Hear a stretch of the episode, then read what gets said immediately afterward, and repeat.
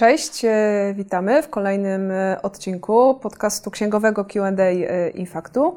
Dzisiaj będę rozmawiać z Magdą na temat kontroli skarbowych, jak można się do nich przygotować, jak to wygląda. Serdecznie zapraszam do wysłuchania naszego kolejnego odcinka. Hej Magda. Cześć. Przychodzę do Ciebie z kolejnym tematem, taki, który przyznał już chodził mi wcześniej po głowie. Chciałam Cię podpytać o temat kontroli podatkowych. Jak to wygląda? No i teraz coś Ci powiem. Wcześniej zapowiadałeś, że będziemy mówić o skarbowych mhm. kontrolach, teraz mówisz o podatkowych. I tu nie masz. I tu Cię mam. To o jakich kontrolach będziemy rozmawiać? E, jednym z częściej popełnianych błędów jest to, że ktoś mówi o kontroli skarbowej e, w zastępstwie, czy zamiennie używa tego sformułowania z kontrolą podatkową. To są dwie różne kontrole. Okej. Okay. E, mamy Mogłabyś w tym momencie, tak, tak, właśnie chciałabym już to troszeczkę przybliżyć, bo one się mocno od siebie różnią. Jedna jest bardziej taka powiedziałabym męcząca dla podatnika, e, druga jest taka trochę mniej uciążliwa. Jeżeli chodzi o kontrolę podatkową, e, to jest to kontrola wynikająca z przepisów ordynacji podatkowej i ustawy o swobodzie działalności gospodarczej. I ona jest taka mniej troszeczkę dolegliwa dla podatnika. Natomiast jeżeli chodzi o drugą kontrolę, kontrolę, kontrolę celno-skarbową, to już tutaj nie stosujemy na przykład y, przepisów ustawy o swobodzie działalności gospodarczej i ona, ta, kontrola już jest taka bardziej nużąca, bardziej męcząca. A, a czym one się różnią? Może tak troszkę y, wyjaśnię. Najważniejsza rzecz y, to jest to, że przy kontroli podatkowej przed rozpoczęciem kontroli otrzymujemy zawiadomienie o tym, że kontrola się odbędzie i powinna się odbyć dopiero po 7 dniach od momentu doręczenia tego zawiadomienia. Może być wcześniej, jeżeli podatnik wyrazi na to zgodę. Przy kontroli celno-skarbowej nie ma takiego zawiadomienia, więc nikt nie uprzedza o tym, że kontrola się odbędzie. Po prostu przychodzi urzędnik i wręcza e, upoważnienie do e, przeprowadzenia kontroli, bądź pokazuje legitymację służbową i zaczyna kontrolę. Więc do tej podatkowej możemy się przygotować. Na przykład, jeżeli wiemy, że za 7 dni będzie, możemy poprosić księgową o to, żeby nam przejrzała e, dokumentację naszą, tak? Do tej celno-skarbowej się nie możemy przygotować za bardzo, bo nie wiemy o tym, że się może odbyć. Pocieszające jest to, że ta druga kontrola, ta bardziej uciążliwa, celno-skarbowa, no raczej w takich poważniejszych już sprawach. No właśnie chciałam dopytać, że w, w, jakich sytuacjach, wiesz, może ona nastąpić? No spodziewam się, że to jest raczej coś poważniejszego. No tutaj już bardziej tam chodzi o te wszystkie sprawy związane z wyłudzeniem VAT-u, jakieś karuzele podatkowe i tym podobne rzeczy, tak? Yy, oczywiście nie jest powiedziane, że u mikroprzedsiębiorcy ona się nie zdarzy, ale tu już raczej taki grubszy kaliber spraw jest brany pod uwagę przy tej kontroli. Okej, okay, a wiesz co, yy, o to takie coś mi przychodzi na myśl, jak o tym opowiadasz. Yy, kiedy urzędnik może wejść do mojej firmy? E, jeżeli mamy tą e, kontrolę podatkową, tak, e, czyli tą pierwszą taką zapowiedzianą, no to wtedy wchodzi do miejsca, gdzie przechowujesz na przykład dokumentację, tak, czy tam do Twojej firmy, jest w siedzibie Twojej firmy w czasie, kiedy pracujesz w tej firmie. Jeżeli skracasz godziny pracy, no to tam do 8 godzin może w niej przebywać.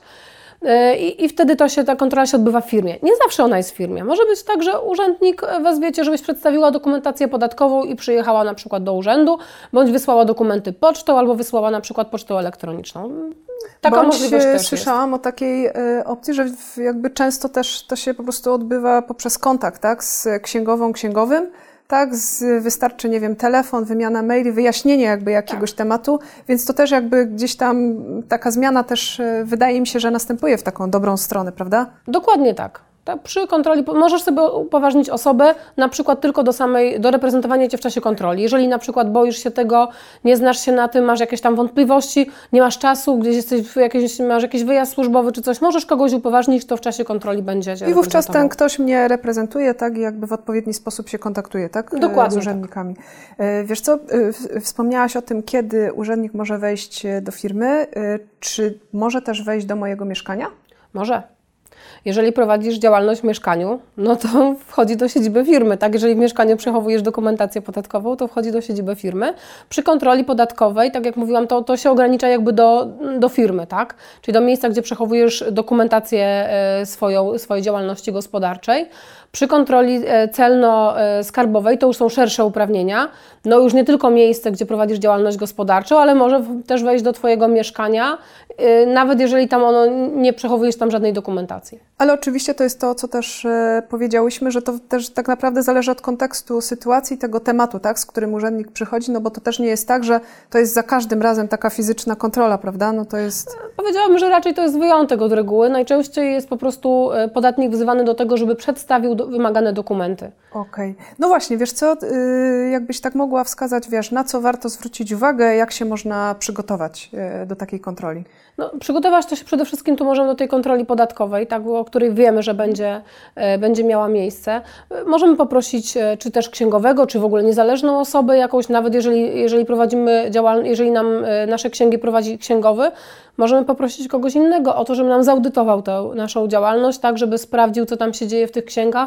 Możemy wysłać korekty deklaracji jeszcze przed tym czasem, kiedy ta y, kontrola się rozpocznie, przygotować dokładnie wszystkie dokumenty, jeżeli wcześniej jakoś w jakiś sposób sobie ich nie poukładaliśmy, mm, tak żeby dokładnie mieć wszystko już przygotowane, żeby się później nie stresować, tak. No do tej celno-skarbowej, jak mówiłam, no przygotować się za bardzo nie możemy. Jedyne co, no to mieć na uwadze to, żeby mieć zawsze całą dokumentację prowadzoną prawidłowo i na przykład raz na jakiś czas, y, nie wiem, zlecić komuś audyt na przykład, tak? Jeżeli mamy tam jakieś wątpliwości, bądź sobie jakieś tam rzeczy, nie wiem, zasięgnąć jakiejś opinii prawnej, jeżeli mamy wątpliwości i potrzebujemy wyjaśnienia jakiegoś tematu, czy aby na przykład nasz księgowy dobrze coś zrobił, tak? I, bądź i po prostu też z nim porozmawiać, prawda? I mieć to na względzie, e, prowadząc e, działalność. E, wiesz co, o ważnej rzeczy wspomniałaś, fizycznie nie muszę być jako przedsiębiorca obecna, tak, bo mogę kogoś upoważnić, na przykład księgową. Wspomniałaś też o tym, że Czyli tak, w przypadku tej kontroli podatkowej jestem informowana o tym wcześniej, mam 7 dni na przygotowanie się. Wiesz co, a od takiej strony bym Cię podpytała, jakie prawa mi przysługują, tak? Jakby o, na co mogłabym zwrócić uwagę w kontekście takiej y, kontroli? No jeżeli na przykład ta kontrola podatkowa będzie tam zapowiedziana na okres krótszy niż te 7 dni, to mam prawo y, poinformować o tym, że to jest jednak okres krótszy, że ja nie dysponuję, potrzebuję tego czasu, tych 7 dni y, i, i na to możemy zwrócić uwagę.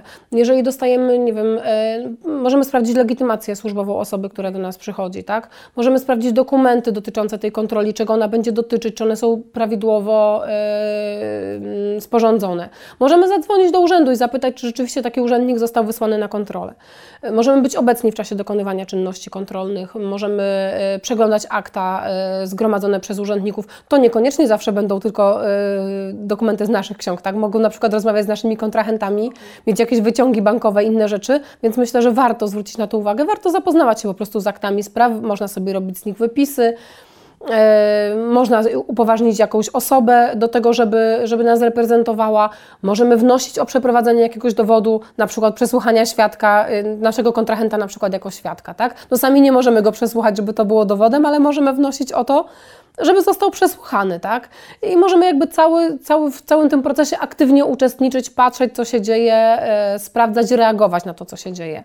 E, ważne, żeby mieć wszystko też pisemnie, tak? Żeby e, o każdą rzecz, jaką nas prosi urzędnik, poprosić, żeby to było na piśmie i też powinniśmy odpowiadać na piśmie. Wtedy mamy wszystko bardzo dokładnie udokumentowane i nie ma później takiej wątpliwości, że mm, jakieś gdzieś jest może niedogadanie, nieporozumienie i mamy wtedy słowo przeciwko słowu. Jeżeli mamy na piśmie, to wszystko jest wtedy czarno na białym, łatwo jest y, naszą sytuację też tutaj jakoś obronić i, i ją pokazać. No i też jakby współpracować, ale też pewnie ustalać, tak, y, y, nie wiem, ze swoim księgowym, księgową, tak, którzy też mają wiedzę na ten temat, tak? Więc e, e, wiesz co, tak jak o tym opowiadasz, jakby dziękuję Ci za takie, wiesz, wniesienie kilku informacji, no bo to taka świadomość, tak? Tak naprawdę tego, co, co nam przysługuje.